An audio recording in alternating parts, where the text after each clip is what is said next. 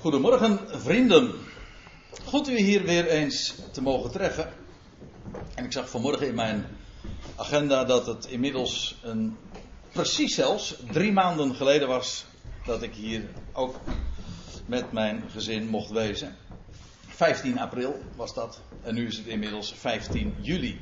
En de volgende keer hoeven we niet zo lang uh, op elkaar te wachten, want ik meen dat het over drie weken weer in de planning staat. Uiteraard alles onder voorbehoud. En u hebt inmiddels al een klein beetje een indruk gekregen waar wij het vanmorgen over gaan hebben. Waar ik uw aandacht voor wil vragen. En wel deze frase: onderzoekt de schriften. En als je goed zoekt in het plaatje, dan zie je ook de tekst daarin staan. Onderzoekt de schriften. Dit is een zogenaamde interlineair van de Bijbel. Dat is een zoals de, het woord interlineair ook betekent, tussen de regels. Dat wil zeggen, de, de Griekse of de Hebreeuwse tekst waarin de Bijbel in het origineel is geschreven, wordt dan woord voor woord, letterlijk, zo letterlijk als mogelijk, weergegeven. En dat is een geweldige handige tool, instrument om de schriften inderdaad ook, en als u mij vraagt zelfs noodzakelijk, om de schriften te onderzoeken. Om zo letterlijk mogelijk te weten, wat staat er nou precies? Maar niet zo, dat zal het ongeveer wel zijn. Nee, wat staat er nou exact? Daartoe dient ook onderzoek. Nou, ik heb het ook met grote letters met opzet in de titel weergegeven. Want ik wil juist uw aandacht voor dat woord ook eens vragen. Dat woord onderzoekt. En ik heb het eens onderzocht. We gaan vandaag uh, het woord onderzoeken eens onderzoeken, om zo te zeggen. Maar dit woord, dit specifieke Griekse woord, de stam daarvan, komt een achttal keren voor. En uh, voor, een vier, voor, voor een viertal voorkomens wil ik vanmorgen eens uw aandacht vragen. Twee in Johannes en twee in Peter. In de brief aan. Nee, de brief van Petrus. De eerste brief. Maar daar komen we pas later over te spreken. En de vier keren dat ik die aan u wil laten zien, die gaan alle vier over de schriften, onder, het onderzoek van de schriften. Allemaal op een specifieke wijze, dat komen we, komen vanzelf wel aan de weet. En de eerste keer dat dit woord voorkomt, dat is in Johannes hoofdstuk 5. En het Johannes-evangelie is een wat eigenaardig evangelie. Dat uh, valt iedereen wel op die enigszins vertrouwd is met de evangelie. Men spreekt ook over de synoptische evangelie, de verhalende evangelie, Matthäus, Marcus, Lucas. Die zijn een groep op zich en Johannes staat daar los van. Dat is een, een heel anders ingedeeld, vooral ook thematisch, uh, is het beschreven. Nou, daarover is een heleboel te vertellen. Maar het eigenaardige trouwens van uh, Johannes 5 is, van deze geschiedenis, die vind je alleen maar in het Johannes-evangelie. De aanleiding is, dat zie je in uh, het, nou wat zijn het, de eerste 12, 13 versen van dat hoofdstuk, is de geschiedenis van Bethesda. Dat is die zuilengang. Ik ben er zelf ooit wel een, een keer wat geweest in Jeruzalem, waar Jezus, die man die 38 jaar ziek was, verlamd, aantrof en Jezus geneest hem daar op een sabbat. En dat is de aanleiding voor een, een, een, hele twist, een strijd. Want met name de Joodse leiders, dat kun je allemaal dus in dit hoofdstuk lezen, die maken daar grote problemen van. Die man die, waarom? Wel, A, om het feit dat, er een, dat Jezus iemand genas, dat is een activiteit, dat is een werk, zo meenden zij. En dat mocht niet op Sabbat, dus daarmee was Jezus te beschuldigen, dat is één ding. Een ander ding was dat die man vervolgens uh, tegen die man gezegd was, en hij had dat ook gedaan, uh, neem uw matras op en wandel. En dat deed hij, en daarmee droeg hij dus een last, en dat mocht ook al niet op Sabbat. En ik denk dan bij mezelf, dan heb je er toch echt weinig van begrepen. Het was trouwens niet zo'n zo'n Poelman matras, moet u zich voorstellen. Want dat is inderdaad een flinke last. Nee, dat is gewoon, het woord wat daar gebruikt wordt, dat is gewoon een, een, een, ja, een soort lichtmatje, zeg maar. Een, een, vergelijk het met een strandmatje. Dat gewoon, een, daar, lig je op, maar dat heeft helemaal geen gewicht. Dat droeg hij. Eigenlijk is dat, als het mij vraagt, zelfs een uitbeelding van de Sabbatsrust. Als er één ding wat je op de Sabbat mee zou nemen, dan is het juist zo'n matrasje. Namelijk als uitbeelding van de rust waar je bent ingegaan. Maar goed, die man, die. Uh, de, de omstanders en met name de, de Joodse leiders, de godsdienstige eliten, de orthodoxie, laten we het nou maar eens een keer zo noemen, die was het daar dus helemaal niet mee eens. En dan ontstaat er, naar aanleiding van die gebeurtenis, een heel dispuut. En dan neemt Jezus het woord eh, in dat gedeelte. En dat waar we nu in aangeland zijn, in vers 39, dat is dus inmiddels een heel stuk verder in dat hoofdstuk, het is een lang hoofdstuk. Daar is Jezus aan het woord en hij, hij ontzenuwt de beschuldigingen die aan zijn adres waren gedaan. En dan lezen we dus dit. Dat is dus de aanleiding. En dan lees je dat Jezus dit tegen deze mensen zegt. Deze godsdienstige mensen, dat zeg ik er nog even bij en ik onderstreep het, zeer bestudeerd. En tegen hen zegt hij: Gij onderzoekt de schriften. Als u een statenvertaling hebt, dat is al het eerste uh, wat eigenaardig is, dan staat het trouwens in de zogenaamde imperatief. Dat wil zeggen als gebiedende wijs of aanvoegende wijs. Uh, niet gij onderzoekt de schriften als een beschrijving, jullie doen dat. Nee, als onderzoekt de schriften. Dus, dat is een wat ingewikkelde kwestie, daar gaan we het nu verder niet over hebben. En beide is mogelijk. Maar vermoedelijk is dit toch de gedachte. Onderzoekt de schriften. Jezus zegt tegen deze mensen, die weliswaar de reputatie hadden altijd bezig te zijn met de schriften. En ik doe daar trouwens ook niks aan af. Maar hij zegt niettemin, onderzoek ze nou eens. Maar dan ook werkelijk eerlijk. Ik kom daar straks nog even trouwens op terug, want het is belangrijk. Gij onderzoekt de schriften of onderzoekt de schriften, want zegt hij, gij meent daarin eeuwig leven te hebben. En dat is niet helemaal ten onrechte natuurlijk, want in die schriften is het eeuwige leven. Maar toch was hier natuurlijk een enorm misverstand in het spel. Want uh, in de eerste plaats, ze begrepen niet dit. En, en deze, dat wil zeggen die schriften, die zijn het welke van mij getuigen. Uh, even teruggaan in de geschiedenis. Hè. Dit speelde zich af, nou laten we zeggen, uh, ergens in de jaar 27, 28, 29, 30, daar blijven we even vanaf. Begin van onze jaartelling. De Bijbel bestond toen alleen nog maar uit wat wij dan noemen de Tenach, de Hebreeuwse Bijbel. Die kenden zij. Daar waren inmiddels al vele overleveringen bijgekomen. De, de overleveringen der ouden, de, de Talmud, alle, allerlei tradities. En die hadden het zicht op de schrift juist in plaats van verbreed en uitgediept, juist ontnomen en belemmerd.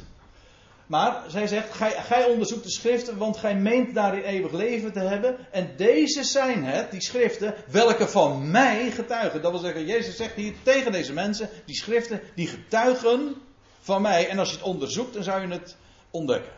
En dan zegt hij nog, hij voegt er naartoe, en toch wilt gij niet tot mij komen om leven te hebben.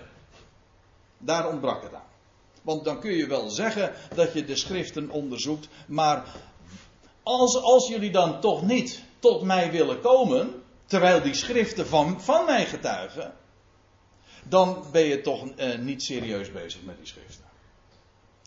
Het is eigenlijk opmerkelijk dat de Heer Jezus dan ook dit zegt. Eh, toch wilt gij tot mij niet komen. Ondanks het feit dat die schriften waar jullie je reputatie aan ontlenen, schriftgeleerden zijn jullie, niet waar?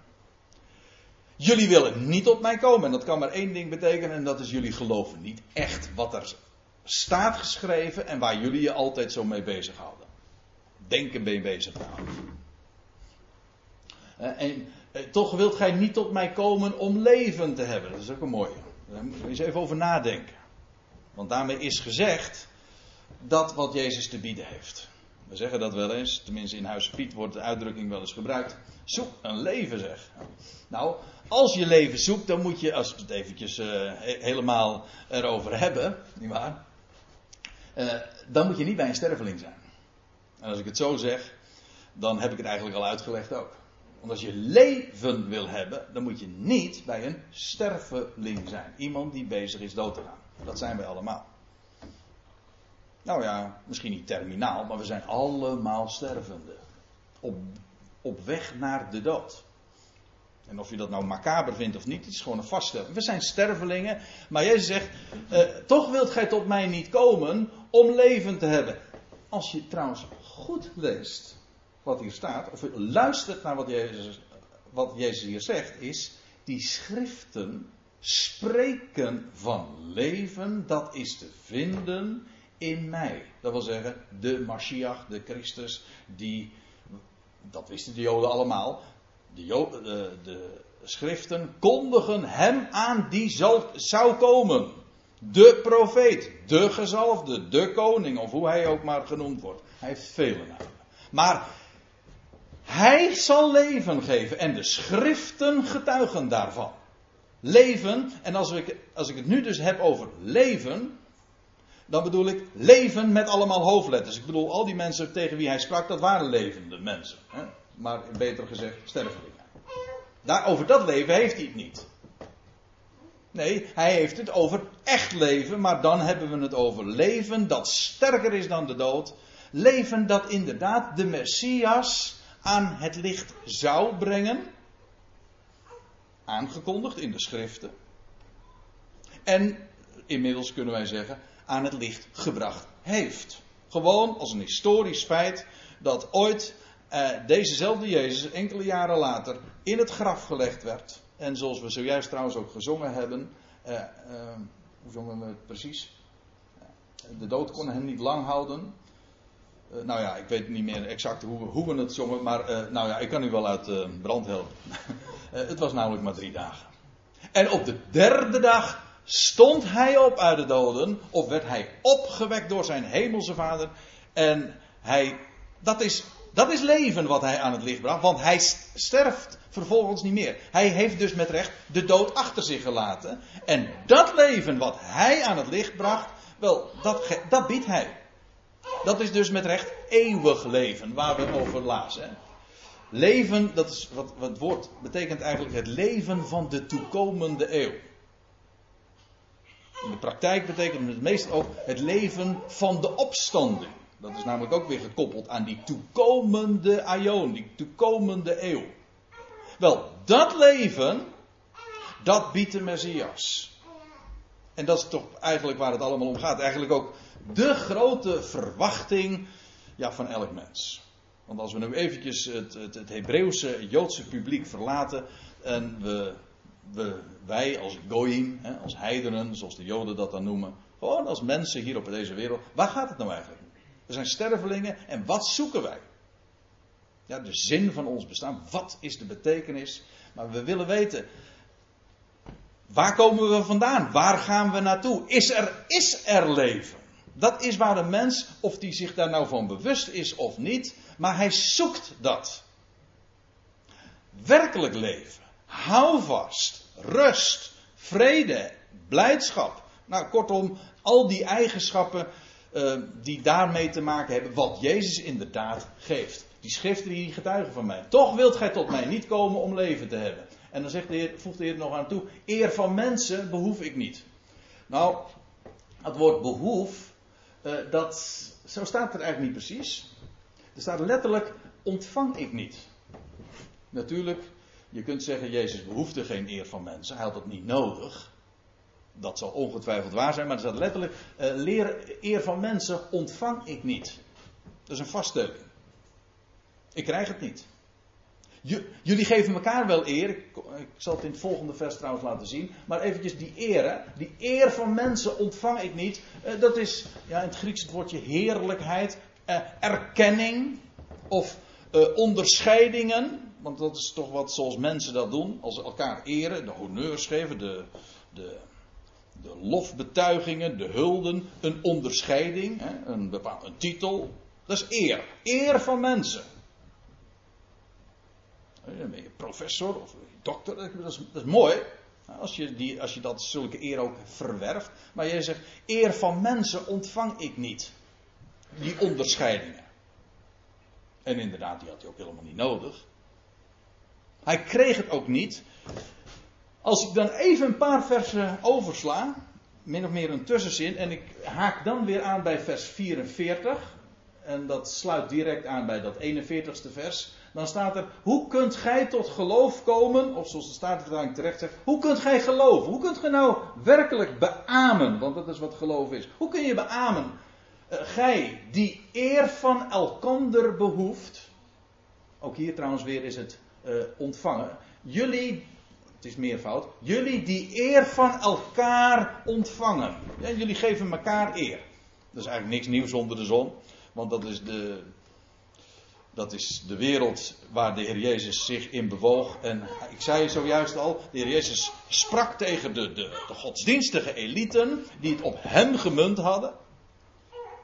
Waar Jezus niet in paste. Paste, hij paste sowieso niet in hun hele schema, in hun, in hun hele kader, een manier van denken. Nou ja, we weten waar het allemaal op uitgelopen is. Maar Jezus zegt, uh, die eer.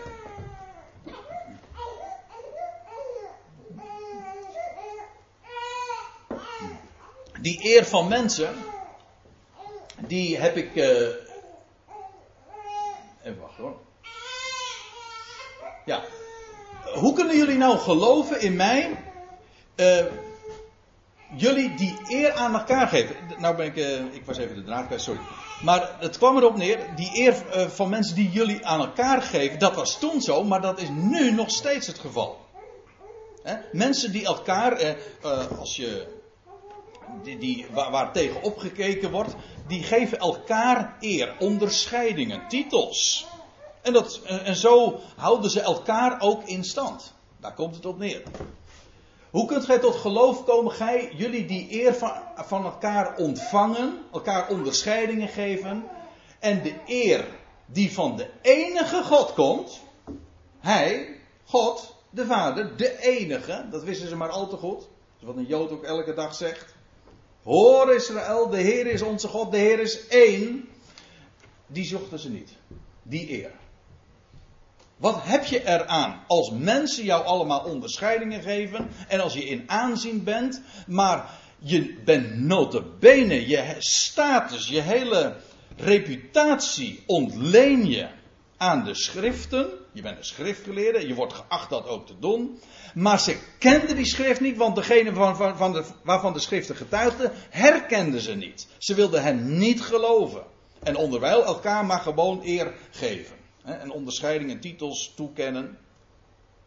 En zo in eer zijn. En zo in ere populair zijn bij mensen. Maar dat was Jezus niet. Nou ja, het volk herkende hem veel beter dan de elite. Dat is ook trouwens heel eigenaardig. Niemand was zo verblind als juist degene die geacht worden de schrift te kennen. Dat is zo opmerkelijk. En nou zou je kunnen zeggen, ja dat was toen, maar dat is nu anders. En ik zal u zeggen, iedere keer stuit je nog steeds op exact hetzelfde fenomeen. Dacht u werkelijk dat de mensen veranderd zijn? Het is nu nog steeds zo. Hoe kun je geloven, jullie die eer van elkaar ontvangen en de eer die van de enige God komt, niet zoekt? Denk niet dat ik u zal aanklagen bij de Vader, God, de Vader, de enige God. Uw aanklager is Mozes, op wie gij uw hoop gevestigd hebt. Jezus zegt, ik beschuldig jullie niet. Heb ik heel, dat is ook helemaal niet nodig. Jullie aanklager is Mozes. Jullie steunen op Mozes, de boeken van Mozes. Jullie zeggen de wet te houden, wetgeleerden te zijn en daarin het volk te onderwijzen en de richting te geven. Maar ik zal je dit zeggen, dat is wat Jezus hier aan, aangeeft. Ik klaag jullie niet aan. De boeken waar jullie op steunen, jullie je hoop op hebben gevestigd, die beschuldigen jullie. Of uh, ja, die boeken, die, die klagen jullie aan. Want indien jullie Mozes zouden geloven, gelooft het, een beetje oud-Nederlands. Maar als jullie Mozes zouden geloven. Ik bedoel, de boeken van Mozes, de Torah. En misschien meer in het algemeen de Tenach, maar dat is meer specifiek. Is het inderdaad de boeken van. Als jullie de boeken van Mozes zouden geloven, zouden, zou ook mij geloven. Waarom? Wel, hij heeft van mij geschreven. Nou, en daarmee raken we natuurlijk een, een buitengewoon zeer omvangrijk uh, onderwerp.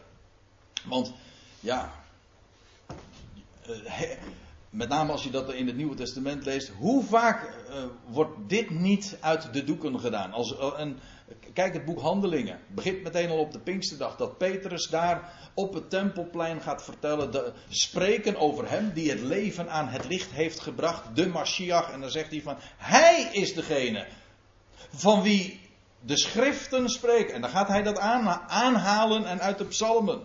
Want ook de psalmen bijvoorbeeld, het zijn psalmen van David. Maar die psalmen van David, ze spreken over de zoon van David. Dat hij niet aan het dodenrijk zou worden overgelaten, maar dat hij zou opstaan uit de doden. Het staat allemaal in de psalmen, het staat in de profeten, het staat in de boeken van Mozes. Kortom, hun schriften maken het duidelijk. Als ze Mozes zouden geloven, dan zouden ze, dan zouden ze ook hem geloven. Want hij, Mozes, heeft van mij geschreven. Niet alleen maar in beelden, want dan zou je natuurlijk. Dat, is, ja, dat, is, dat zijn de, de allermooiste dingen misschien wel. De, de typen, de personen, de offerdienst. Verhalen van, van Isaac en Jozef en nou, noem maar op.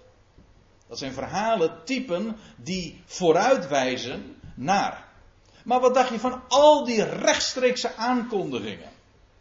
Wie zou komen? Vanuit welke lijn hij zou komen? Zelfs wanneer hij zou komen. Het was allemaal met precisie aangekondigd. En daarmee bewijst de schrift zichzelf. Dat vind ik het heerlijke van de Bijbel. Van, want de Bijbel is, is geen boek, het is een bibliotheek.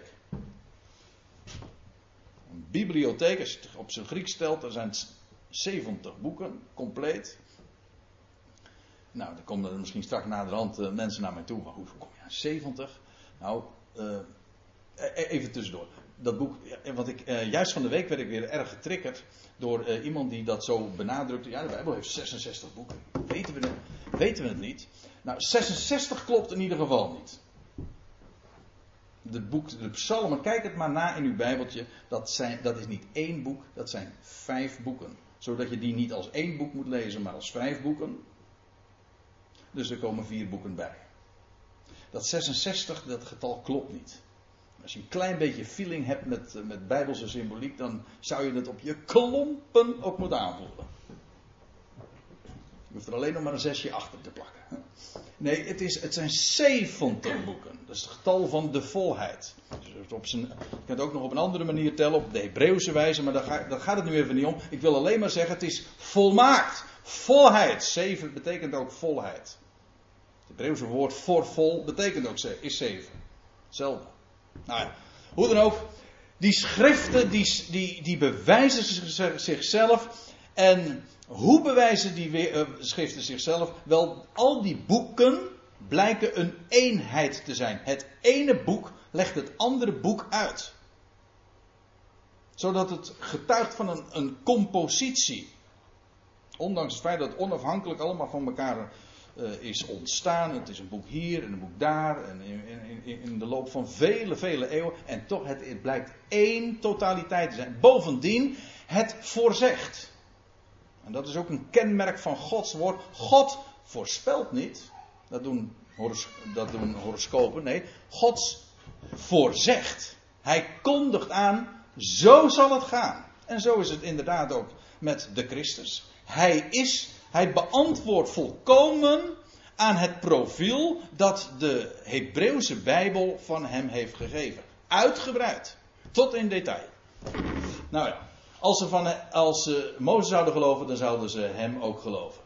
Maar indien gij zijn geschriften niet gelooft, hoe zult gij mijn woorden geloven? Dat lijkt me duidelijk. Dat kan niet. Goed. We gaan naar Johannes 7.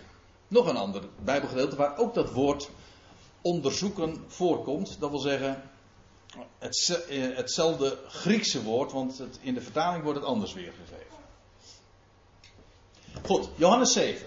Dan lees je in vers 50, ook hier moet ik even om het eh, begrijpelijk te maken, moet ik even een korte toelichting geven. Ook hier was weer Het is wat dat betreft een eentonig verhaal. Weer het strijd ontstaan. Uh, onder de schade. Want de schade herkende wel, dit moet de profeet zijn. Nou, en dan lees je in het voorgaande dat, dat de Heer Jezus beschuldigd wordt van dat hij niet de profeet kan zijn. Want ja, hij, hij, is opgestaan uit Galilea.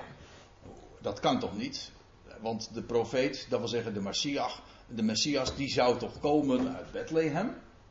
Enfin, onkunde speelde daar. Nicodemus, dat was ook een, een, een, schriftgeleerde, een man in hoog groot aanzien. En dat was degene die ooit tot hem was gekomen. Staat hier in de nacht, dat wordt in Johannes 3 beschreven. En een van hen, dat wil zeggen van de overpriesters en de fariseeën, die zei tot hen, dus ze waren onder elkaar, ook hier weer een gesprek van de godsdienstige mensen onder elkaar. De leiders, de overpriesters en de fariseeën. en dan zegt die Nicodemus, die het opneemt voor Jezus, hij was niet al te heldhaftig, maar goed, hij neemt toch hier een, hij doet hier een goed woord. Veroordeelt onze wet dan een mens, tenzij men zich eerst van hem op de hoogte gesteld heeft en kennis genomen heeft van wat hij doet. Want ook hier was weer de, de afwijzing van de elite massief. Men wilde hem niet accepteren. En dan is Nicodemus die zegt van, ja hoor eens even, maar zouden wij niet eerst onderzoek doen? Zouden we niet eerst kennis, op de hoogte stellen en kennis nemen van wat hij doet en wie hij is? En dan antwoorden zij eh, eh, met te zeggen: Zijt gij soms ook uit Galilea? Dan zeggen van: Kom je nou uit diezelfde streken? Dit, vond zich, dit vindt plaats in het, de stad Jeruzalem. En zij zeggen tegen Nicodemus: Kom je ook soms uit Galilea dat je het voor hem opneemt? Ga maar na en zie dat uit Galilea geen profeet opstaat. En nou heb ik dit even vet gedrukt. Waarom? Wel, hier staat hetzelfde woord als waar we het eerder over hadden. Onderzoekt. Ga maar, maar we begrijpen natuurlijk dat dat eh, in de praktijk ook hetzelfde is. Onderzoeken, dat is ja, onderzoek plegen. Research. Nagaan. Checken. Ga het maar na. Nou zeggen deze mensen van eh, ga maar na. Dat wil zeggen ga maar na in de schriften en zie dat uit Galilea geen profeet opstaat. En nou denken ze dat zij hiermee zichzelf etaleren als inderdaad mensen die de schrift onderzoeken en die weten wat er staat geschreven. Zij zeggen van, kijk, Jezus is de, de man van Nazareth, uit Galilea, daar in het noorden van het land. Maar zeggen zij dan tegen Nicodemus, die het opneemt voor Jezus, dat kan dus nooit de Messias zijn, de beloofde profeet. Waarom niet? De profeet zou toch niet uit Galilea komen? En als je het even in het voorgaande al leest, ik heb dat nu niet geprojecteerd, maar in, in vers 41, dan lees je dat ze zeggen van, de profeet komt niet uit Galilea, hij zou toch uit Bethlehem komen? En nou, zou je denken dat dit mensen zijn die weten waar ze het over hebben. En inderdaad, de Messias zou uit Bethlehem komen. In de profeten wordt dat zo gezegd. Micha zegt het al. Gij Bethlehem, Efrata, uit u zal mij voortkomen. De Messias zou geboren worden in Bethlehem. Dat is hij ook. Maar zij, dachten, zij waren onkundig. En ze dachten van, nou ja, Jezus uh, is heeft zijn hele leven daar in Nazareth gewoond. Is daar opgegroeid. Is daar uh, ook met zijn optreden begonnen. En dus kan hij niet de Messias zijn. En daarmee zeggen ze weliswaar de schriften onderzoeken. Maar ze doen het niet eerlijk. En daar zit het hem in. Want je kunt natuurlijk wel erop bogen en zelfs je titels aan, aan, aan schriftgeleerdheid ontlenen. Maar als je niet werkelijk eerlijk bent, en daar zit het hem, hè. Het heeft niet te maken met intellect. Het gaat er ook niet eens om dat ze het niet nauwkeurig doen. Ze, ja, dat doen ze. Ze doen het inderdaad niet nauwkeurig. Maar waarom doen ze het niet? Ze wisten hoe het zou. Ze wilden het niet weten. Ze waren niet eerlijk. Ze wilden niet de waarheid weten. En daar zit het hem iedere keer op vast. En met name in het Johannes-evangelie wordt dat zo scherp in het licht gesteld. Ze hadden de waarheid niet lief. Ze wilden de feiten niet kennen. En dan is het intellect wel uh, wel zo begaafd, bekwaam, om dat altijd nog weer recht te praten. Met, met een hele, met mooie, dure woorden kun je jezelf dan rechtvaardigen. Maar ze waren niet eerlijk. Daar zit het hem aan. En juist voor de dienst nog even ehm, met iemand erover gehad. Daar staat, daar staat dus ook eh, Johannes. De waarheid zouden ze verstaan. De waarheid te erkennen. En dan zal de waarheid je ook vrijmaken. Dat is altijd zo. Dat is een universeel principe. Zeker als het gaat om de schrift, maar in het algemeen. Als je de waarheid begint te erkennen. Gewoon de feiten. Hoe het is. Wees eerlijk. En dan zul je het weten. En dan kunnen ze wel zeggen: ga maar na en zie dat uit Galilea geen profeet opstaat. Trouwens, het was niet eens waar wat ze zeiden. Inderdaad, de Messias zou geboren worden in Bethlehem. Uit het geslacht van David. Dat klopt. Dat stond allemaal voorzegd. Maar niettemin, er staat al in Jezaja 9 en uh, Jezaja 8. Ik ga dat nu verder niet aanhalen of opzoeken met u. Maar lees het maar na. Daar lees je al over het land van Naphtali en Zebulon. Dat is het noorden van Israël in Galilea. En dan staat er. Het volk, kent u het? Dus met, uh, met kerst wordt dat nog wel eens een keer gelezen. Het volk dat in duisternis wandelt, waar? Nou, daar gaat het over Galilea hoor. Zal een groot licht zien. Ja, en daar, juist wordt geschreven over Galilea. Daar zou een, de profeet wel degelijk optreden. En wie die profeet is, dat wordt in datzelfde Jezaja 9 ook gezegd. Zie, een kind is ons geboren en een zoon is ons gegeven. Over hem hebben we het. Maar hij zou inderdaad daar in Galilea zijn optreden hebben. Het volk dat daar in duisternis wandelt, zal een groot licht zien. Maar dat wilden ze ook niet weten natuurlijk. Want daarmee zouden ze erkennen dat zij in duisternis wandelden. Ziet u hoe, hoe sneaky het is heeft te maken met uh, een slang. Hè? Hoe sneaky het is, men wil niet weten dat. Ja. En, nou goed, daarmee dus eh, heb ik eh, nog een schriftplaats laten zien over, over het onderzoek van de schriften. Ze waren niet eerlijk erin. Inderdaad, er is niets wat uitgaat boven de schriften. Uh, laat, als wij samen komen bij elkaar, we hebben het uh, vanmorgen in het lokaaltje hiernaast nog met elkaar even over gehad. Wat is er, wat brengt ons bij elkaar anders dan de schriften? Daar gaat het om.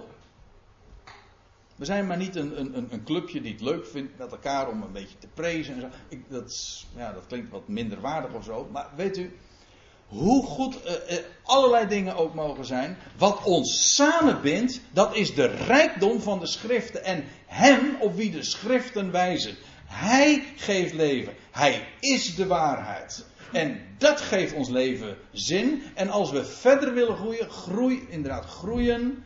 En meer willen leren kennen. Meer licht willen verspreiden. Dan is er maar één manier. Je bezighouden met dat wat je geopenbaard is. Dat wil zeggen, onderzoek de schriften. Die maken ons wijs. Ja, dat klinkt wat uh, dubbelzinnig, hè? Maar ja, je, er wordt ons van alles wijs gemaakt. Maar wat je, als je werkelijk wijs wil worden, hou je bezig met wat er staat geschreven. Die kolossale bibliotheek, zijn woord. En het is het rijkste, het grootste wat er is. Onderzoek die schriften. Kijk, ik weet wel, we zijn niet allemaal zulke Bijbel. Ik ben zelf, eh, mag ik wel zeggen, erg uh, in de weer. Altijd met, met de schriften. Goed, ieder heeft daar in zijn eigen plaats. Maar hoe verschillend we daarin ook zijn, er, wees u bewust. Er is maar één ding in ons leven, persoonlijk, maar ook als gemeente, als, als gezelschap dat bij elkaar komt. Er is maar één ding dat werkelijk waarde geeft. En wat ons werkelijk verder doet komen en doet groeien naar Hem dan alleen de schrift. Hou je daarmee bezig. Wees op ieder op zijn eigen manier. Natuurlijk, we zijn, we zijn niet allemaal intellectueel. De een is zus, de ander is zo. Het gaat er ook helemaal niet om hoeveel uur besteed jij aan schriftstudie. Nee, wat betekenen die schriften? Wees eerlijk daar ook mee. Leg er niet dingen in die je er graag in wil zien. Nee, lees gewoon wat er staat. De waarheid, ja. Wees eerlijk. Niet zoals zij, maar werkelijk zoals de Heer Jezus dat zegt. Onderzoek die schrift en je weet, ze getuigen van mij. Nou, dan gaan we tenslotte nog naar 1 Petrus 1. Dat is een brief die, zoals de titel al enigszins aangeeft, uh, geschreven is door Petrus, de apostel die zich richt tot de besnijdenis, de, de Joden. En dan lees je, en ik ja, val min of meer midden in dat hoofdstuk binnen, en dan staat er in vers 10, naar deze zaligheid, dat is een wat oud-Nederlands woord, maar dat betekent gewoon redding. De redding die Petrus predikte en ook eh, zijn Joodse lezers voorhield. Naar deze redding hebben gezocht en geforst de profeten die van de voor u bestemde genade geprofiteerd hebben. Uh, eventjes stop, even de pauzeknop. Wat staat hier? Wat Petrus hier zegt, is de profeten die hebben uh, gesproken, gezocht en geforst uh, naar de redding. Die van de voor u bestemde genade geprofiteerd hebben. Dat wil zeggen, er zijn profeten, hè, de Tenach, de profeten, die hebben geprofiteerd. Dat is wat profeten doen, nietwaar? In de eerste plaats, het woord profeet betekent in het Grieks letterlijk voorzeggen. Zij hebben voorzegd. Maar die profeten, die hebben zelf ook gezocht en geforst. En hier staat weer dat woord waar we het over hadden in Johannes 5, Johannes 7. Johannes 5 wordt het vertaald met onderzoeken. Johannes 7 met nagaan. Hier met geforst. Dat is exact iedere keer hetzelfde woord. In het origineel bedoel ik. Het is niet erg eensluidend weergegeven. Maar goed, we weten in ieder geval waar we het over hebben. Dat is het woord. De profeten hebben hun eigen profetieën onderzocht. Dat is eigenaardig. Nou, dan lees ik even verder naar vers 11. Terwijl zij naspeurden, hebben we nog een woord, want het is weer hetzelfde, woord als wat hier staat, alleen het wordt weer, nu weer gegeven met naspeuren. En ik kan me voorstellen dat hier nu mensen zitten die, zeggen, die een beetje boos worden op de vertalers. En ik deel die boosheid. Waarom moeten ze dat nou zo nodig iedere keer zo verschillend weergeven? Als daar in het origineel één woord staat. Ja, nou ja. Uh, het, het, is zo. Maar daarom onderzoeken we de schrift ook. We, willen we checken. Dat deden de Bereërs toch? Die waren, dat waren zulke excellente mensen. Waarom? Omdat ze het woord dat Paulus daar bracht, checkten. Dagelijks. In de schrift. Of het waar was wat hij zei. Wat, wat, een, wat een instelling. Maar die en wat, dat is opmerkelijk waar ik nu op wijs. Want laat eens goed dat je doordringen wat, wat Petrus hier zegt. De, de profeten speurden na, let op, op welke of hoedanige tijd de geest van Christus in hen doelde. Toen hij, dat wil zeggen de geest van Christus, vooraf getuigenis gaf van al het lijden dat over Christus zou komen en van al de heerlijkheid daarna. Ik geef toe, het is een wat ingewikkelde zin misschien. Ik moet hem een paar keer lezen.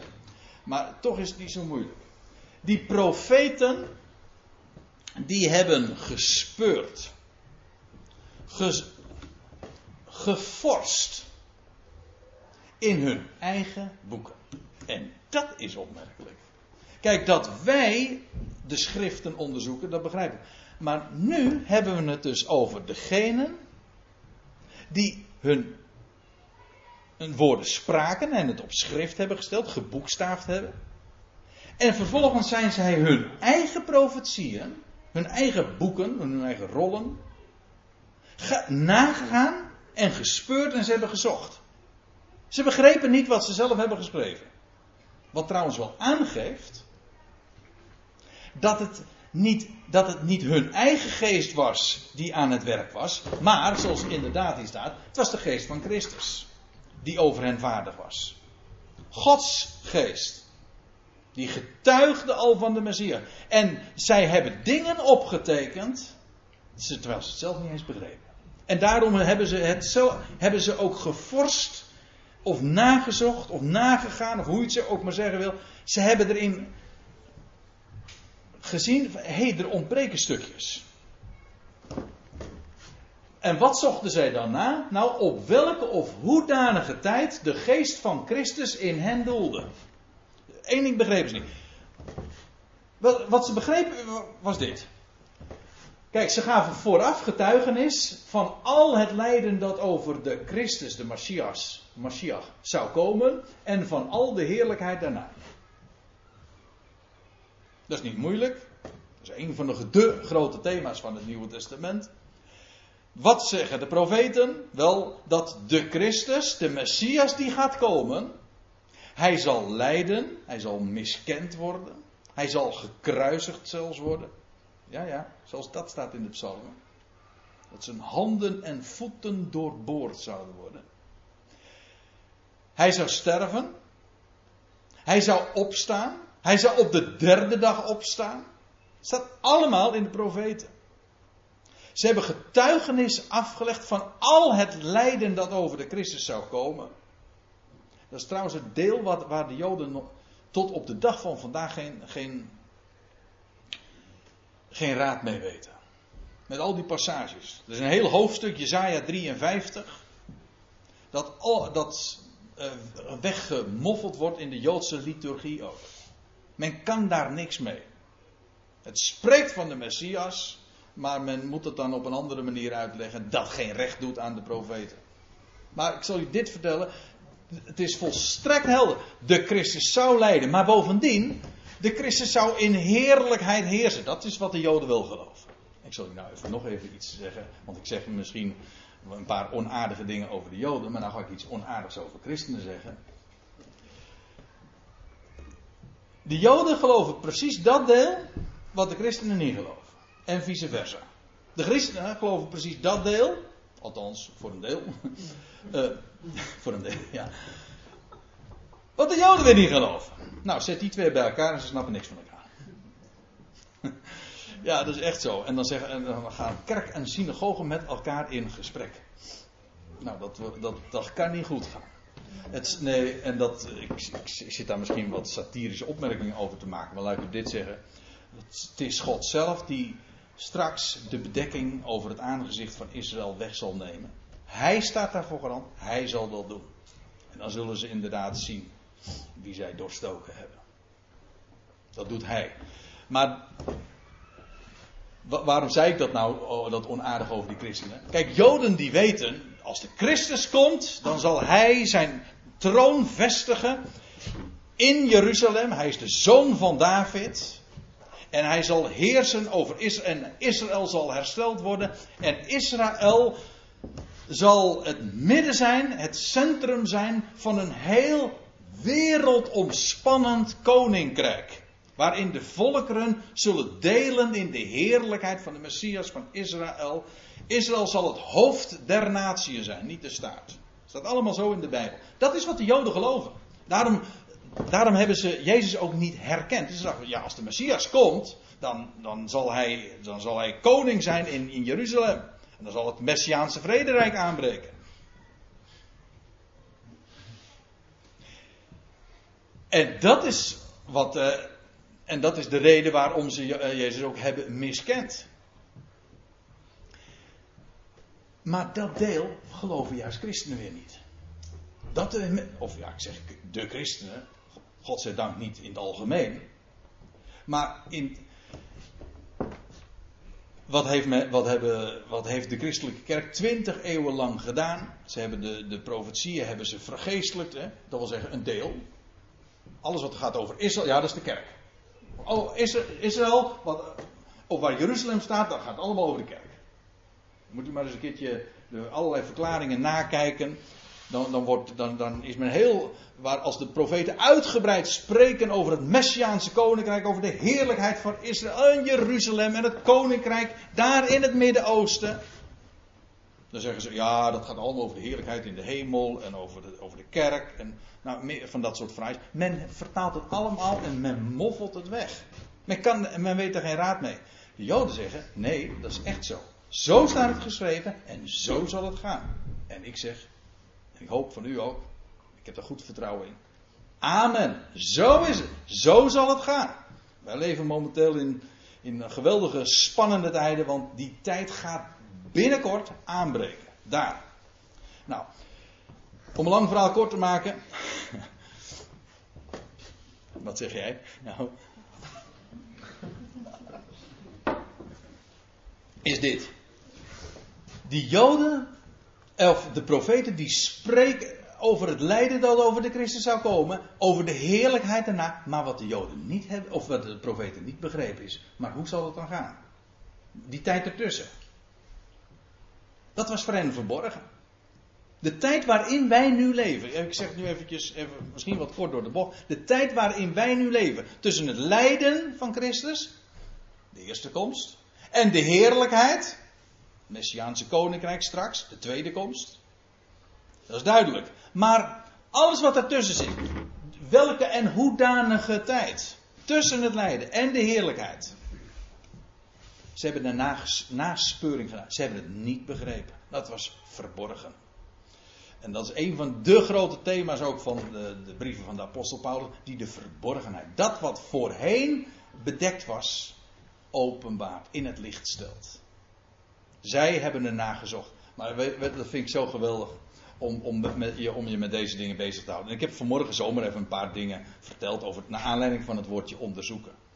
Maar ik wil eindigen met, ja, met een plaatje. En welk, wat zou dit plaatje uit, aanduiden?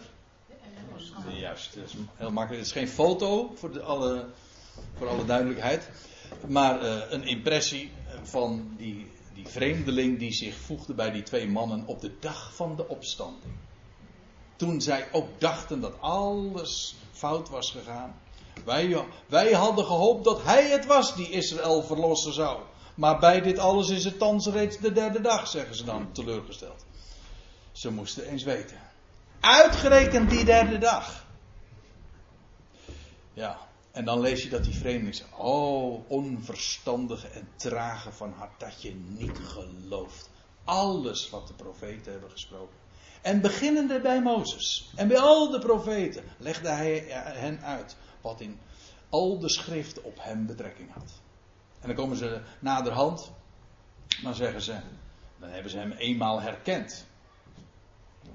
Ik ga er even vanuit dat u allemaal die geschiedenis kent. En dan zeggen ze, was ons hart niet brandende in ons toen hij ons de schriften onderweg opende.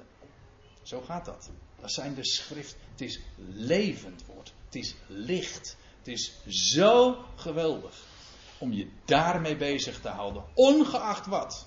Of het nou gaat over het lijden dat over de Christus komen zou, de heerlijkheid daarna, het levende wat hij geeft, de verborgenheden waar de profeten naar gezocht hebben.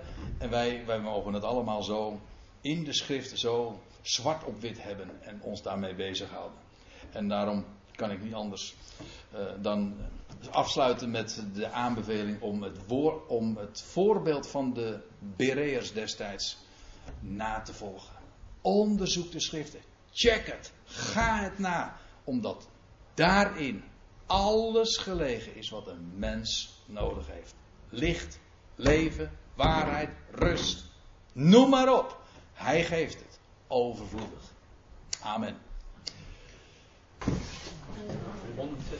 136. Abba Vader, u alleen, u behoor ik toe. Laat mijn hart steeds vurig zijn. Nou, we hebben zojuist gezien uh, hoe dat gaat. Hè?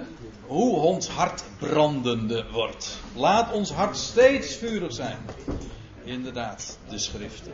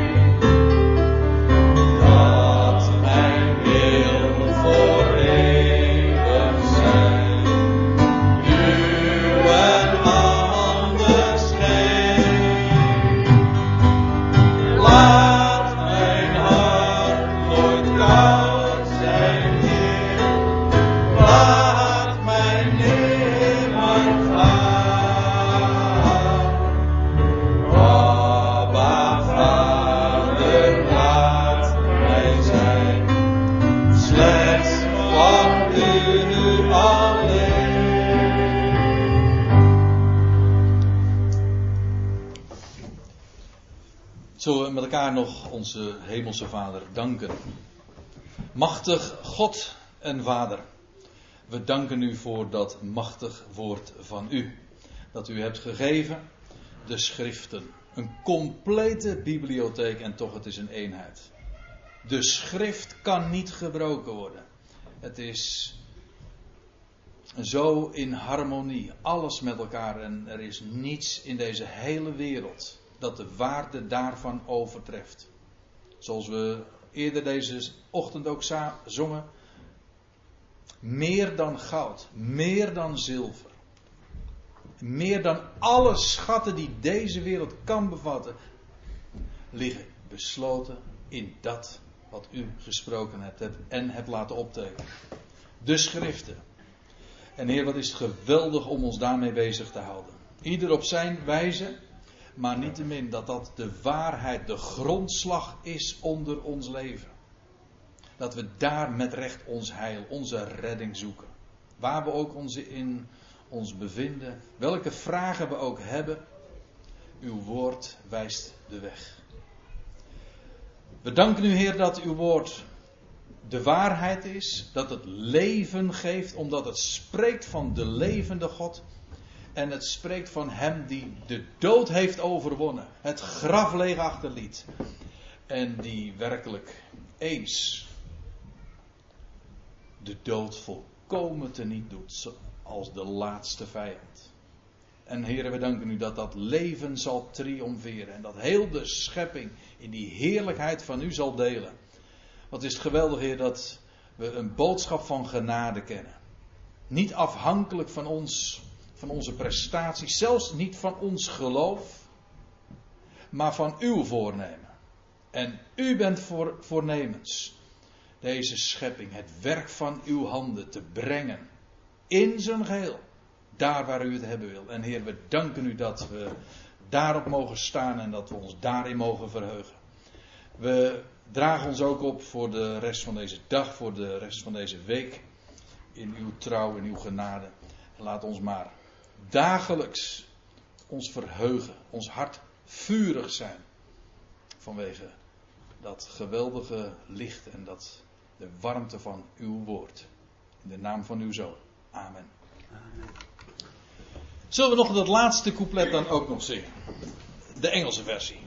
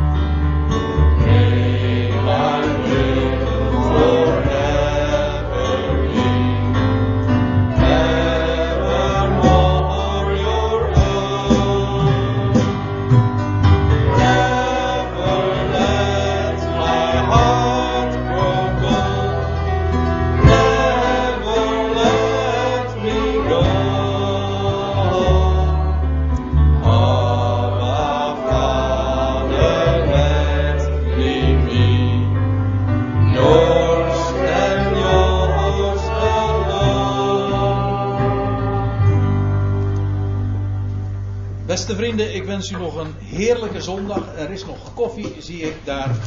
En ik hoop u over een paar weken weer te zien. Mocht u op vakantie gaan, een hele goede tijd. God zegen.